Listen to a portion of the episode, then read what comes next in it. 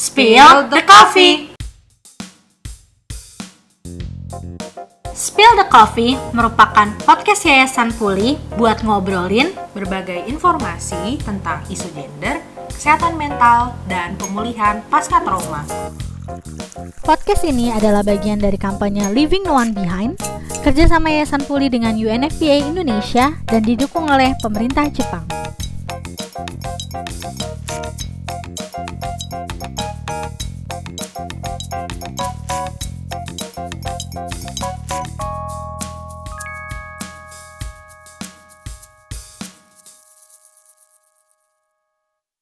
Halo semuanya para pendengar Spill the Coffee masih bareng sama Uci, Ancia, dan juga Aku Nea. ya, karena Mbak Nia berkualitas jadi kita undang lagi. Benar. Kali ini sama Mbak Nea kita akan ngebahas terkait self care for caregiver. Nah, kenapa Mbak Nea yang kita pilih lagi? Karena beliau seorang caregiver ya nggak sih Mbak Nia? Dalam kegiatan pendampingan maksudnya ya. Iya Hmm, betul oke. sekali. Tapi ntar dulu, apakah teman-teman pendengar kita tahu apa itu caregiver? iya, Mungkin boleh tuh. ada yang nggak tahu nih, boleh selaku ibu caregiver memberikan informasi kepada kita apa itu caregiver. caregiver. Oke, bar- barusan aku pengen melemparnya pada Uci dan Ansya itu pertanyaan. Ah, sudah saya lempar dulu. Oke. Ya, jadi pada dasarnya kan caregiver itu berarti orang yang memberikan dukungan atau pendampingan gitu ya. Eh, jadi bisa macam-macam contohnya kalau misalnya di rumah ada yang misalnya membantu orang tuanya mengasuh adik-adik gitu ya. Itu dia juga bisa dibilang caregiver. Heeh, atau misalnya kita di rumah punya orang tua sakit. Hmm. jadi siapa pun yang memberikan dukungan, perhatian, eh, memberikan waktu, energi untuk menjaga atau merawat seseorang, atau mendampingi seseorang. Nah, tapi dalam bincang-bincang kita kali ini, Hmm. kita akan lebih banyak ngomongin eh, caregiver dalam konteks pekerjaan atau profesional gitu kali ya. Hmm, Jadi bener banget. siapa pun yang memberikan layanan atau dukungan pendampingan eh, dalam hal ini bagi eh, korban atau penyintas kekerasan berbasis gender. Nah, dialah Mm-mm. yang kita sebut sebagai caregiver atau pendamping dalam konteks obrolan kita hari ini. Nah, berarti kalau gitu, Mbak Nia ini adalah caregiver dalam Hmm. ranah profesional gitu kan ya, Mbak. Mm-mm. Kalau teman-teman ada yang sudah mendengarkan dari episode sebelumnya, Hmm. Nia sudah bilang dia bekerja sebagai pendamping itu berapa lama dan itu berarti Iya. dia sebenarnya sudah Sembilan, menjadi sembilan tahun. caregiver selama berapa lama aja? tadi, kurang lebih sembilan tahun. Iya, dari episode sebelumnya ada ya, Iya. 9 tahun gitu. Mm-mm. Kalau kayak gitu kan berarti kasus-kasus yang Mbak Nia terima juga tadi beragam, Beragam. Ada yang pelaku loh. uh-uh. dari episode sebelumnya juga kita tahu Pelaku, kalau. Mbak Nia kadang juga nggak nanganin pelaku. gitu. Pelaku. Karena memang kalau nanganin penyintas kayak nggak menutup kemungkinan nggak sih Mbak buat kadang sometimes juga nanganin pelakunya gitu. Iya, Mm-mm. ada.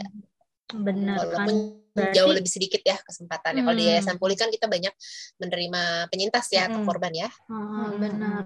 Nah, suka dukanya gimana Mbak sama 9 tahun? Nah, Mbak Nia gimana nih? Heeh. Iya. Suka dukanya dulu deh. Kalau suka duka gimana? sih banyak kan sukanya ya tentu ya. Kalau enggak Hmm. mungkin enggak bertahan lama-lama ya. Hmm, Walaupun di pasti. Yayasan Puli banyak senior senior atau dedengkot dedengkot yang lebih lama juga ya dibandingkan saya. Jadi eh, suka dukanya macam-macam. Kalau sukanya tentu jadi belajar ya, punya pengalaman-pengalaman memahami tentang isunya, terus juga kadang-kadang juga jadi merefleksikan ke diri sendiri juga gitu. Misalnya kan Mm. kalau eh, di eh, di dalam konteks hubungan yang berkekerasan kita selalu ngomonginnya kan ada power and control, ada ketidakseimbangan kuasa yang disalahgunakan, ada relasi kuasa gitu-gitu ya.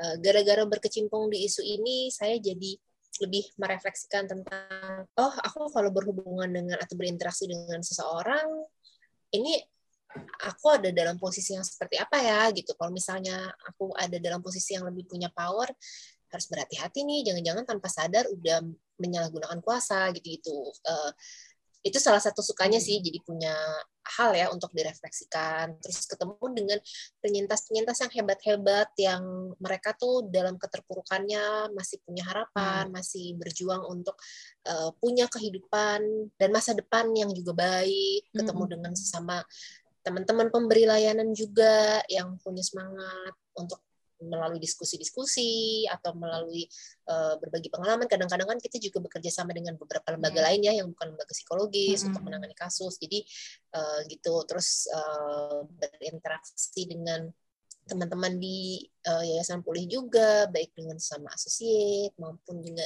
dengan teman-teman uh, hmm. staff di internal ya seperti Uci dan Ansya oh. ya dan juga teman-teman lainnya aja. gitu. Kalau dukanya ya tapi capek pasti cuman pekerjaan apa sih nggak capek gitu kan? Hmm. Semua pekerjaan pasti ada capeknya ya. Jadi ya, hmm. ya kalau kita pikir uh, capek iya, cuman mungkin kalau dalam konteks ini uh, capeknya lebih karena uh, isunya isunya penting, urgent tapi uh, mungkin belum segitu banyaknya dapat perhatian gitu ya hmm. seperti isu-isu lainnya misalnya kayak kita mengusahakan banget nih supaya ada dasar hukum gitu untuk melindungi ini terus perjuangannya panjang yang mengusahakan hmm. seperti itu terus juga kadang-kadang situasinya seringnya sulit hmm. yang kita hadapi atau berat hmm. uh, uh, apa namanya kadang-kadang pekerjanya di luar waktu gitu kan maksudnya tidak pasti hmm. gitu waktunya hmm. tuh yang yang seperti itu ya menjadi tantangan gitu yang harus kita hadapi saya rasa sih para pendamping yang bekerja di isu ini ataupun juga mungkin di isu-isu yang berat dan sensitif mengalami kurang lebih hal yang sama ya. Bania, berarti kan kalau kita balik lagi nih Bania, Bania uh. udah 9 tahun sebagai caregiver, suka dukanya udah banyak banget, sukanya, dukanya oh, tadi capek. Iya, capek pasti ya. Capek fisik dan mental ya. Nah, dan apa sih yang nggak capek gitu betul, kan? Betul, betul. Nah, kalau boleh tahu nih Mbak, kan kita cuma ngomongin tahun nih, 9 tahun doang uh, nih. Tapi pasti yang ada hal-hal yang kayak memorable banget nih gitu. Ada, ada, ya. pasti ada. Kalau aku nanya angka sama Mbak Nia, Mbak Nia lupa. Aku mau nanya, kan kondisi dunia sedang berubah nih, Mbak. Mm-hmm. Dari yeah. yang dulunya kita, pokoknya kita tuh dulu sekarang ini adalah uh, pandemi itu sebagai acuan kejadian apa itu pasti ditanya sebelum atau sesudah pandemi gitu kan. Sebelum dan sesudah pandemi, apakah ada perbedaan dari load kerja Mbak Nia sebagai seorang caregiver?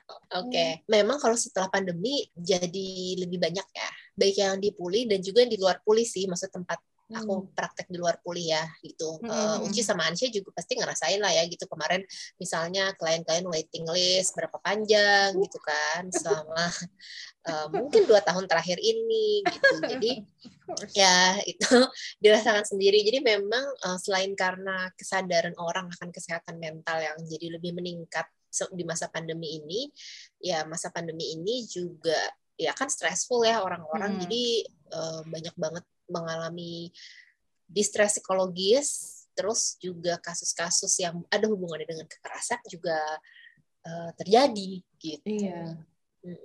Oke, okay, berarti mungkin kelelahan juga meningkat ya Mbak ya kondisi dengan kondisi yang meningkat juga nih klien Tuh. yang ditangani kasus-kasus yang harus didampingi meningkat otomatis kayak uh, bukan hanya ngambil kuliah aja lain dapat banyak iya, tempat memang. lain juga tadi dia bilang gitu karena itu uh, mungkin memang capek gitu ya mbak tadi sebenarnya udah di di uh, mention gitu sama mbak Nea. Tapi ada nggak sih mbak kaitannya si capek ini dengan kelelahan atau burnout? Biasanya kita sering banget ya buat hmm. teman-teman caregiver tuh kayak oh my god aku burnout.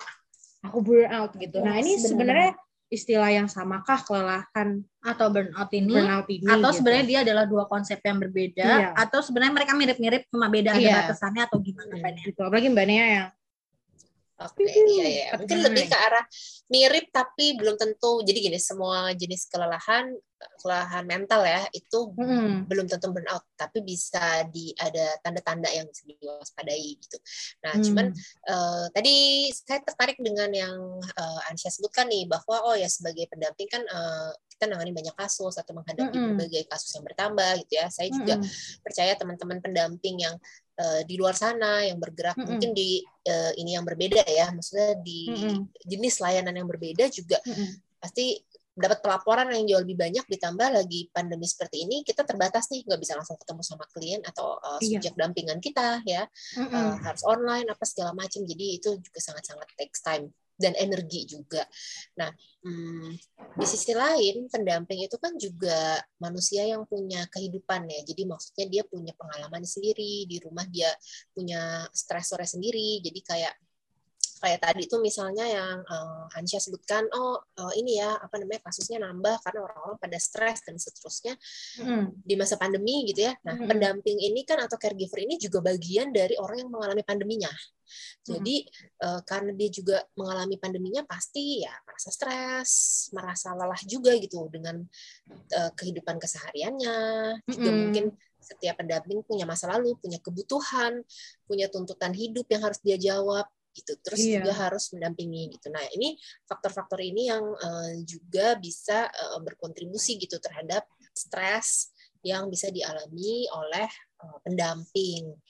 Nah, memang di sini eh, keterampilan untuk mengelola stres dan juga bagaimana seorang caregiver atau pendamping mempersepsi dukungan ya apakah misalnya pendamping mempersepsi dia dapat support system atau uh, secara psikososial mendukung dia gitu itu juga bisa uh, menjadi penentu apakah uh, seseorang itu rentan terhadap uh, salah satunya burnout Mm-mm. Nah, okay. burnout itu sendiri itu di definisinya banyak gitu, tapi secara umum dia digambarkan sebagai kondisi emosi, kondisi mental, dan kondisi fisik yang mengalami kelelahan yang luar biasa mm. yang disebabkan oleh stres yang dialami secara berlebihan. Jadi stresnya berjangka panjang, udah berlarut-larut, tuntutannya berlebihan, terus-menerus tanpa ada dukungan yang memadai. Hmm. Dan biasanya kalau seseorang mengalami burnout, yang terjadi adalah dia kesulitan untuk mengambil jarak dari pekerjaannya.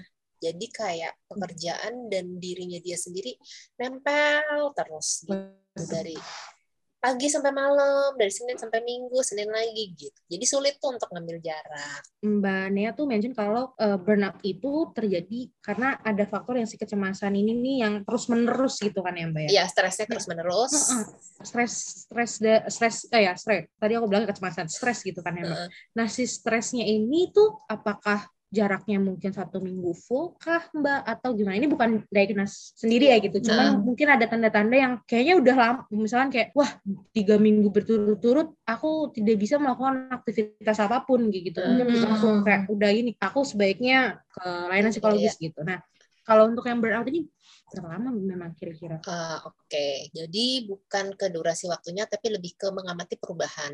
Hmm. Jadi, uh, uh, jadi kita amati nih perubahan diri kita. Hmm, yang pasti burnout itu punya tanda-tanda uh, secara kognitif, pola pikir, hmm. terus juga afektif ya atau perasaan, emosi, dan juga perilaku. Hmm. Biasanya burnout ini tuh terjadinya secara gradual gitu. Jadi nggak ada orang yang ih tiba-tiba aku burnout hmm. gitu. Nggak ada.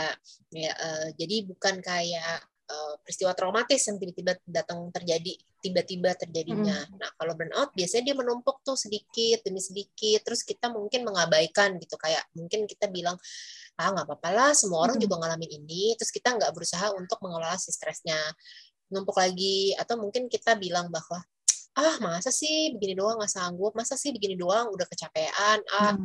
harus kuat dong, harus kuat, gitu ya, hmm. atau berbagai macam mekanisme yang mungkin sifatnya seperti denial terhadap hmm. keadaan kita. Jadi dia numpuk-numpuk atau kita berusaha untuk mengabaikan escape juga uh, escape atau melarikan diri dari masalahnya.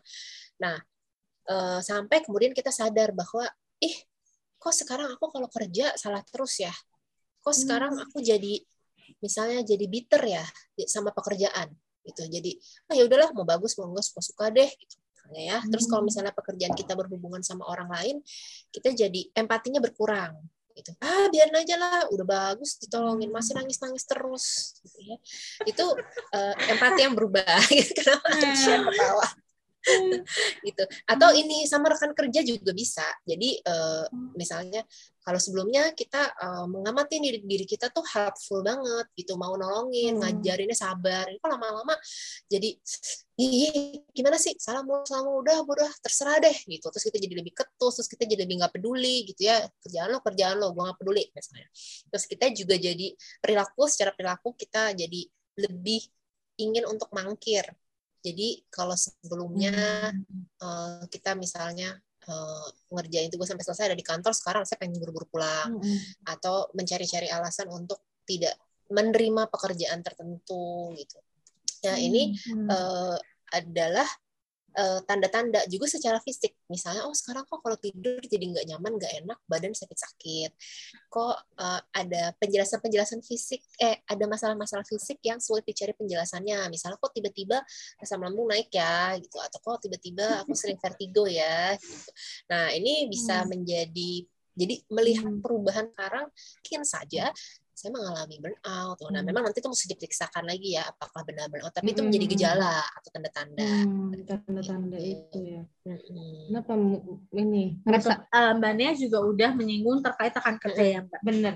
Nah, kebetulan nih Mbak Nia mungkin balik lagi ya mbak kapasitas orang beda-beda. Mungkin kita satu tempat yang sama kerjaan tapi belum tentu aku bisa menerima itu gitu loh sa. Nah tapi ketika sudah nih mbak karena aku pernah ada momen di mana apa namanya kayak tadi sih sebenarnya gejala-gejala itu dan akhirnya aku memutuskan untuk psikolog kayak gitu kayak kepala tuh udah pecah banget gitu. Aku tipikal yang kayak apa namanya berasumsi dia A B C oh, pecah okay. A B C D E ntar ini lagi wah uh, gitu. Uh, uh, uh. Jadi kata anak zaman sekarang overthinking gitu ya. Iya, kan anak. Nah itu akhirnya aku langsung uh -huh. gitu. Tapi kan aku setelah setelah memahami ada perubahan-perubahan uh -huh. itu gitu kayak mungkin kamar berantakan kayak gitu gitu loh mbak. Nah tapi ada sih mbak untuk gimana kita mengelola preventifnya nih okay. sebelum uh, gimana ini rambu-rambu untuk kayak itu itu mm. gitu nih jangan nih jangan sampai kita mm. burn out gitu ada nggak sih cara cegahnya untuk okay. sampai kita burn yeah. out kalau dalam situasi kita kerjanya ini gitu mm. yeah. nah memang burnout itu kadang-kadang sulit untuk dikenali gitu karena mm. tadi ya mm. berasal dari stres yang numpuk sedikit demi sedikit. Jadi kadang kita nggak berasa. Hmm. tapi tadi kalau kita ngomongin soal pencegahan atau preventifnya seperti apa yang pertama sih kenali diri sendiri gitu. Jadi punya kemampuan untuk refleksi ke diri sendiri supaya kita tahu kalau kita sedang optimal tanda-tanda saya apa. Hmm. nah dan itu kita perlu untuk benar-benar menyadarinya. Nah jadi ketika mulai ada perubahan-perubahan diri ke arah yang misalnya kalau dalam konteks pekerjaan menjadi kurang produktif terus uh, bahkan kalau udah sampai burnout itu ada juga yang um, kepercayaan dirinya berubah kalau yang tadinya aku percaya nih aku bisa ngerjain tugas beres selesai hmm. kualitasnya bagus tapi karena sedang burnout itu bisa jadi low self esteem terus jadi hmm Kayaknya gue bego banget sih, gue kan paling bego di, pekerjaan ini. Kayaknya gue nggak layak deh untuk mm. ngejalanin ini gitu-gitu ya. Jadi meragukan diri sendiri gitu. Nah, perubahan-perubahan yang seperti itu dan yang tadi sudah kita bahas juga itu bisa menjadi uh, pertanda. Jadi kita harus peka sama perubahan-perubahan itu. Nah, uh, selain uh, memahami diri sendiri dan kapasitasnya, juga yang kedua kita juga uh, tahu caranya gimana mengambil jarak sih dari pekerjaan. Jadi uh, yang pertama uh, hindari menjadikan pekerjaan sebagai identitas kita. Jadi kerjaan ya kerjaan, tapi kerjaan itu bukan identitas saya. Soalnya kalau saya menjadikan kerjaan itu seperti identitas saya, nanti ketika kerjaannya sedang tidak berjalan baik, saya ngerasa dunia saya atau diri saya runtuh. Nah, padahal sebenarnya enggak ya, kerjaan ini satu bagian aja loh dari hidup kita atau dari keseluruhan hmm. diri kita. Itu salah satu cara untuk mengambil jaraknya. Terus yang kedua, punya deh lingkungan yang lain selain di pekerjaan. Jadi ada pertemanan di luar pekerjaan gitu ya. Kita punya misalnya teman-teman rumah, teman-teman kompleks, teman-teman kuliah gitu. Supaya kita bisa tadi punya jarak, punya boundaries, punya batasan hmm. gitu dengan pekerjaan.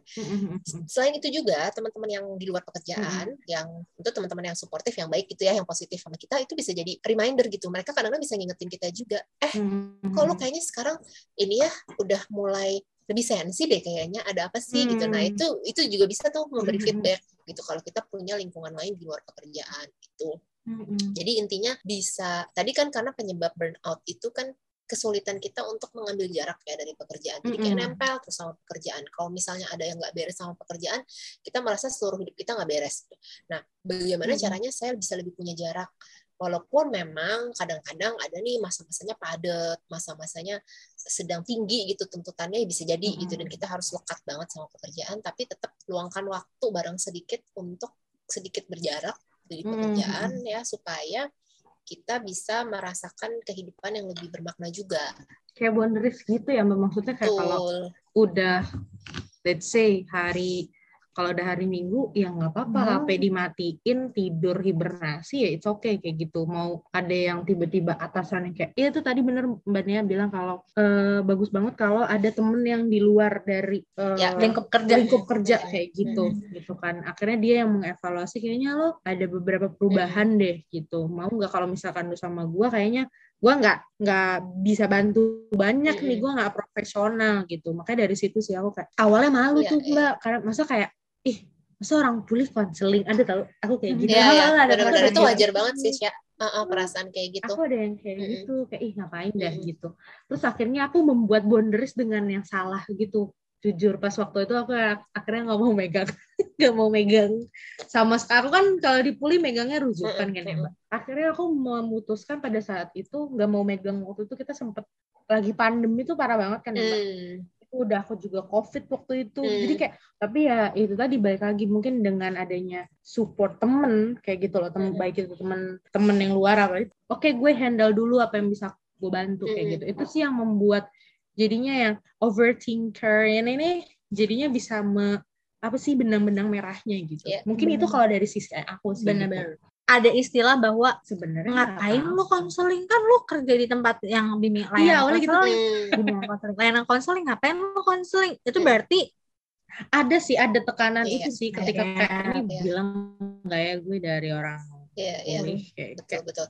Justru uh, perspektifnya jadinya justru karena saya bekerja di lembaga yang memberikan layanan psikologis, hmm. saya ada jadi orang yang lebih paham. Makanya saya jadi tahu gitu cara untuk mengakses layanan ini ketika saya butuh. Hmm. Kepekaan saya lebih baik harusnya ya ketimbang orang-orang di luar sana yang tidak lekat nih dengan isu-isu psikologis. Hmm. Dan itu menunjukkan uh, bahwa saya bertanggung jawab. Karena saya hmm. tahu kalau saya tidak uh, mengolah sisi yang ini, saya jadi nggak optimal hmm. di pekerjaan dan dengan saya hmm. mencari bantuan itu saya sebenarnya sedang bertanggung jawab secara profesional juga gitu hmm. jadi itu itu perspektif berdayanya Hmm, oke okay. kalau di pesawat itu ada ada aku sering lihatnya tuh gambar gitu loh mbak kalau di pesawat ada terjadi hal-hal yang tidak diinginkan um, pas masker oksigen mm -hmm. turun yang paling pertama harus kita lakukan mm -hmm. adalah kita pakai dulu nih. Kita buat diri sendiri ya. Kita boleh Iya, hmm, pakein orang lain. orang lain. Jadi kayak konsepnya sama seperti Ancia dan Mbak Nia tadi yang bilang ke Ancia bahwa hmm. kalau kita tahu kondisi kita, kita jadi bisa bekerja lebih profesional lagi. Iya. itu tanggung jawab kita ya, sendiri. Ya, tanggung jawab, betul. Berarti kita ngomongin self care nggak sih Mbak? Betul banget. Ya, jadi salah tadi satunya. salah satunya. Nah, Betul. tapi kalau misalkan nih Mbak, kalau aku sih agak beda ya uh. dengan Ancia. Mungkin kalau aku kayaknya aku belum sampai di tahap uh, burnout. Aku belum sampai di tahap aku burnout gitu mbak. Tapi hmm. memang kelelahan pasti ada. Pasti. Tapi kalau burnout sepertinya alhamdulillah belum. Jadi hmm. kalau aku sih alhamdulillah belum pernah belum belum sampai tahap butuh uh, layanan konseling gitu masih bisa aku untuk handle aku sendiri gitu sih kalau dari aku.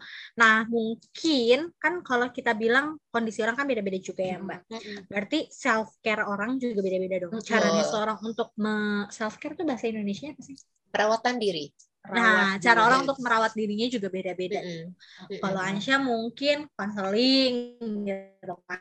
Nah, kalau aku teh jajan, jajan, jajan, jajan, atau nonton gitu kan Netflix. Tapi kadang jajan tuh jadi konotasi yang negatif juga loh kan jajannya yang berfaedah dong. Oh iya. Mm. Sebenarnya self care yang bermakna self perawatan diri itu. Nah, jangan-jangan okay. pedeng aling-aling bilangnya self care, self care, self care. healing healing jalan-jalan taunya balik lagi. Iya. Tahu-tahu impulsif belanja impulsif beli tumbler iya, banyak iya. gitu kan gak ada yang tahu gitu. Nah, banyak banyak gimana? Jadi ini kita mau ngebahas tentang kegiatan apa sih yang beneran self care sama yang berkedok self care. Iya. Yeah. kayak self care bodong gitu ya. Iya. Yeah. Jadi uh, eh, memang betul. Jadi self care itu bukan cuman kegiatan yang yang penting saya senang, bukan. Jadi self care itu lebih daripada itu. Kalau kita ngomongin soal perawatan diri, ini adalah sebuah aktivitas yang tujuannya untuk menunjang dan sifatnya recharge energi mental hmm. kita, energi fisik, energi mental. Nah, uh, apa sih kriteria ya yang harus atau yang bisa kita perhatikan untuk tahu nih hmm. bahwa ini sesuatu ini self care atau bukan. Nah, yang pertama hmm, kita harus melihat ada nilai tambah gitu. Maksudnya nilai tambah tuh gimana? Kalau misalnya kita melakukan kegiatan itu, saya jadi bisa lebih produktif. Gitu. Misalnya yang tadinya sebelum saya melakukan self care, saya tuh sepaneng bawaannya negativistik, pengen ngomelin semua orang, gak mau ngerjain kerjaan. Tapi setelah saya meluangkan waktu untuk melakukan self care, bisa self care fisik, emosional, psikologis maupun juga misalnya secara spiritual. Nah, setelah saya meluangkan waktu untuk self care, ih saya jadi lebih ada energi saya jadi bisa lebih bersemangat hmm. gitu ya. Saya jadi bawaannya pengen langsung manggil orang tadinya ngomelin dia eh nggak jadi saya jadi lebih bisa berempati gitu. Nah itu artinya kegiatan yang ada nilai tambahnya. Terus yang kedua harus terencana. Jadi self care itu bukan sesuatu yang tiba-tiba dilakukan. Dan dan nggak tahu sampai kapan. Misalnya oh aku self care nih pengen liburan gitu ya. Solo traveling. Hmm. sampai kapan? Nggak tahu deh pokoknya tunggu aja sampai aku pulang gitu nah itu hmm. sebetulnya uh, bukan konteks self care ya jadi selalu ada batas waktu dan ada rencananya. Misalnya aku self care mau mandi air hangat karena aku udah lama banget nih nggak mandi yang proper, yang benar-benar enak. Hmm. Itu bisa jadi ya. Berapa lama? Oh mungkin 15-20 menit gitu. Tapi kan nggak dua hari kita di kamar mandi gitu ya. Nah jadi kita selalu punya rencana sama self care kita dan selalu ada batas waktu yang kita tetapkan. Jadi hmm. kalau misalnya kita self care dengan apa? Misalnya, oh belanja ABC gitu. Terus tapi tahu-tahu menyesal, aduh rekening aku jebol gara-gara belanja gitu ya. Terus jadi stres lagi habis itu. Makanya sebenarnya bukan self care sih, karena tadi ya nggak ada nilai tambah dan tidak terencana. Nah, mungkin perlu diganti. Misalnya tetap misalnya hmm. belanja, tapi apa nih yang lebih terencana karena misalnya kalau aku belanja ini ini juga membantu aku memudahkan kerja aku hmm. misalnya ya itu jadi hmm. sekaligus punya nilai tambah tuh gitu jadi hmm. itu sih yang kita bisa hmm. Bedakan ya yang mana yang self care yang mana yang bukan oke okay.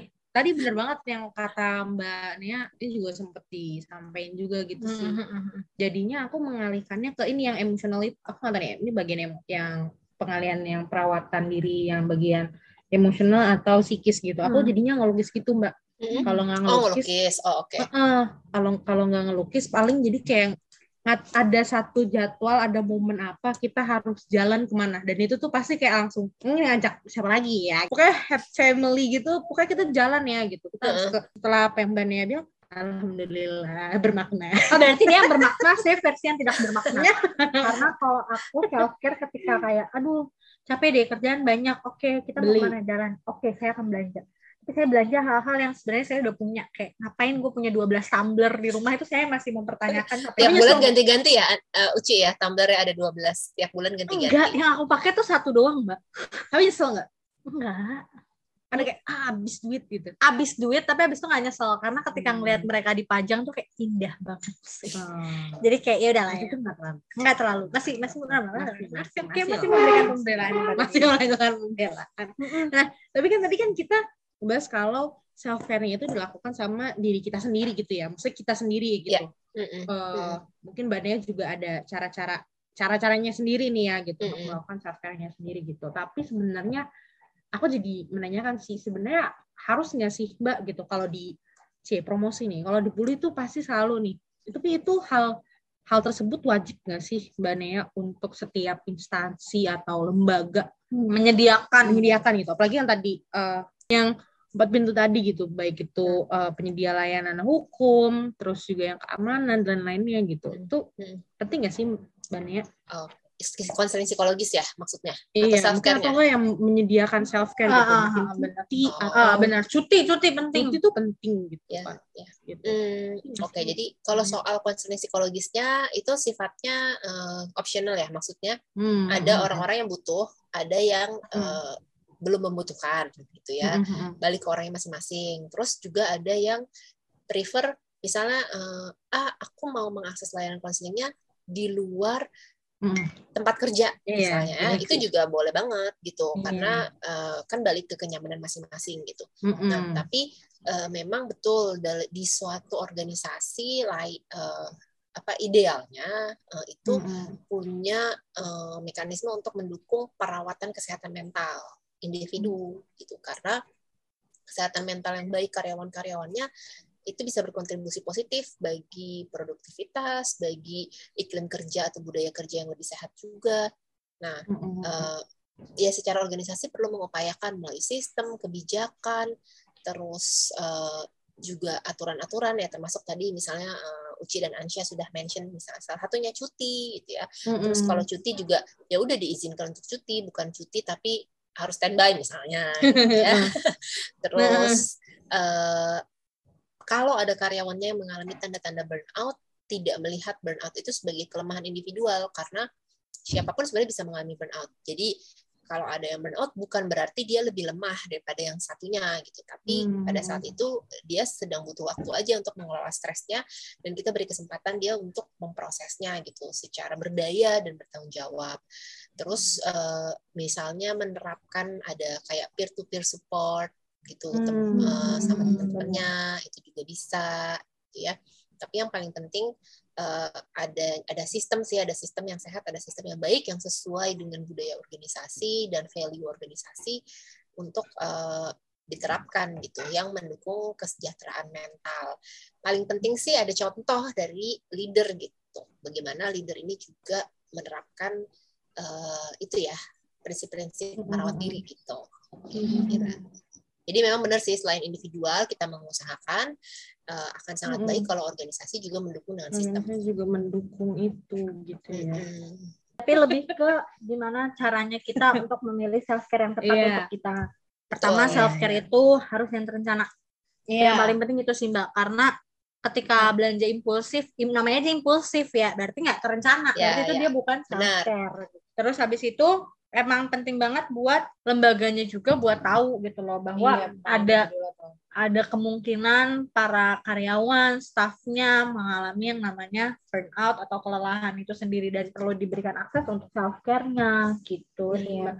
Tapi ketika memberikan pekerjaan yang loadnya banyak gitu ya, menurutku itu udah kayak kayaknya udah salah satu tang bentuk tanggung jawab memberikan itu tadi gitu mm-hmm, layanan atau memberikan akses nih ya tapi baik lagi pilihan uh, si. apa karyawannya gitu ya mm-hmm, benar kan si kerjanya ini mau mau ambil apa nih gitu mm-hmm. ternyata mm-hmm. kalau dilihat butuhnya konseling individu ya, ya boleh monggo. kayak gitu atau yeah. misalkan kayak baiknya peer support monggo kayak gitu atau yang berkelompok kayak gitu ya balik lagi menyesuaikan oh, sih. Betul. Bener sih. Betul. Dan sekali. ini yang terpenting juga self care perlu dilakukan secara konsisten ya. Jadi rutin hmm. gitu kita uh, meluangkan waktu uh, walaupun mungkin sebentar 10 menit atau 15 hmm. menit sehari terkoneksi lagi sama diri sendiri itu yang bisa jadi kayak hmm. apa ya kayak vitamin itu yang kita minum setiap hmm. hari uh, bukan pada saat kita udah mau burn out baru self care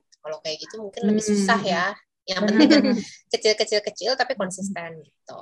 Hmm. Hmm. Dan itu tadi yang bisa dilakukan konsisten, yang kecil-kecil-kecil itu bisa dicari di YouTube Yayasan Puli. Iya. Ada banyak video-video yang tersedia terkait cara-cara self care yang kecil-kecil kecil tapi bisa dilakukan Betul. Itu yang tentang ada itu ya regulasi emosi ya, menenangkan hmm, diri gitu. Benar, Mbak. Itu yang secara psikologis. Nanti tadi uh, Uci dan Ansya juga udah mention misalnya yang secara fisik uh, misalnya makanan sehat atau makanan hmm. cukup, uh, istirahat hmm. cukup gitu-gitu ya. Secara fisik berolahraga hmm. itu juga penting. Terus secara uh, emosional misalnya terhubung sama orang-orang yang menyenangkan dan positif, itu juga bagian dari self care. Terus ada kayak melukis hmm. itu juga bentuk self care juga loh gitu. iya benar mbak Nanti, aku udah lama itu enak banget puas bener-bener itu media ekspresif ya yang bisa kita iya. lakukan gitu bener-bener berarti memang balik lagi self care itu bentuknya ada banyak tapi Bener. yang paling penting adalah self care itu adalah sesuatu yang terencana terus ketika dilakukan setelah dilakukan akan menambah produktivitas atau kembali berjalan lagi gitu iya, bukan iya. yang setelah dilakukan malah tuh rekening gue berkurang. Bukan tapi lebih ke iya. oke okay, siap menjalani hari dengan lebih baik lagi. Ya hmm. aku pengen nambahin Betul. juga sih.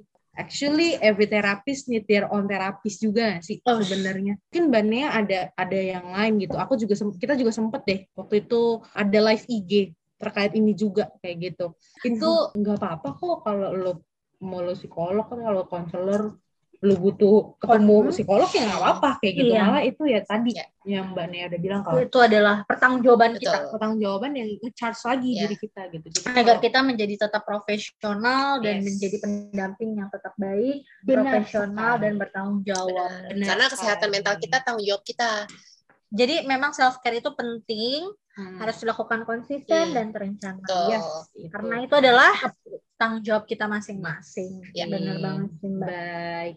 Itu adalah penutup sekalian penutupan dari podcast kita hari ini.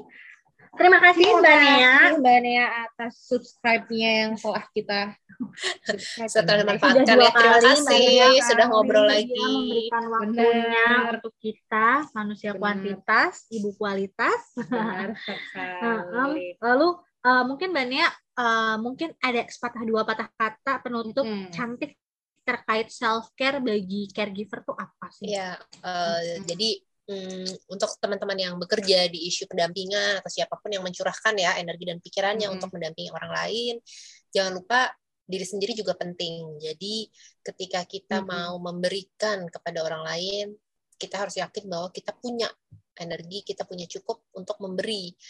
Dan itu hmm. salah satunya dilakukan dengan uh, melakukan self care atau perawatan diri, mengenali keterbatasan-keterbatasan kita sehingga kita bisa tetap optimal dan bertanggung jawab dalam tugas-tugas yang kita lakukan gitu. Hmm. Aku suka deh kenali batasan diri agar kita tetap bertanggung jawab dengan apa yang kita lakukan. Yes. Luar biasa.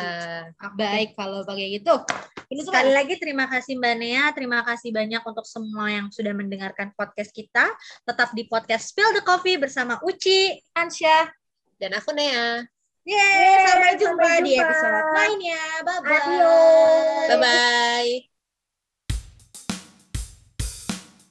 Bye-bye. Spill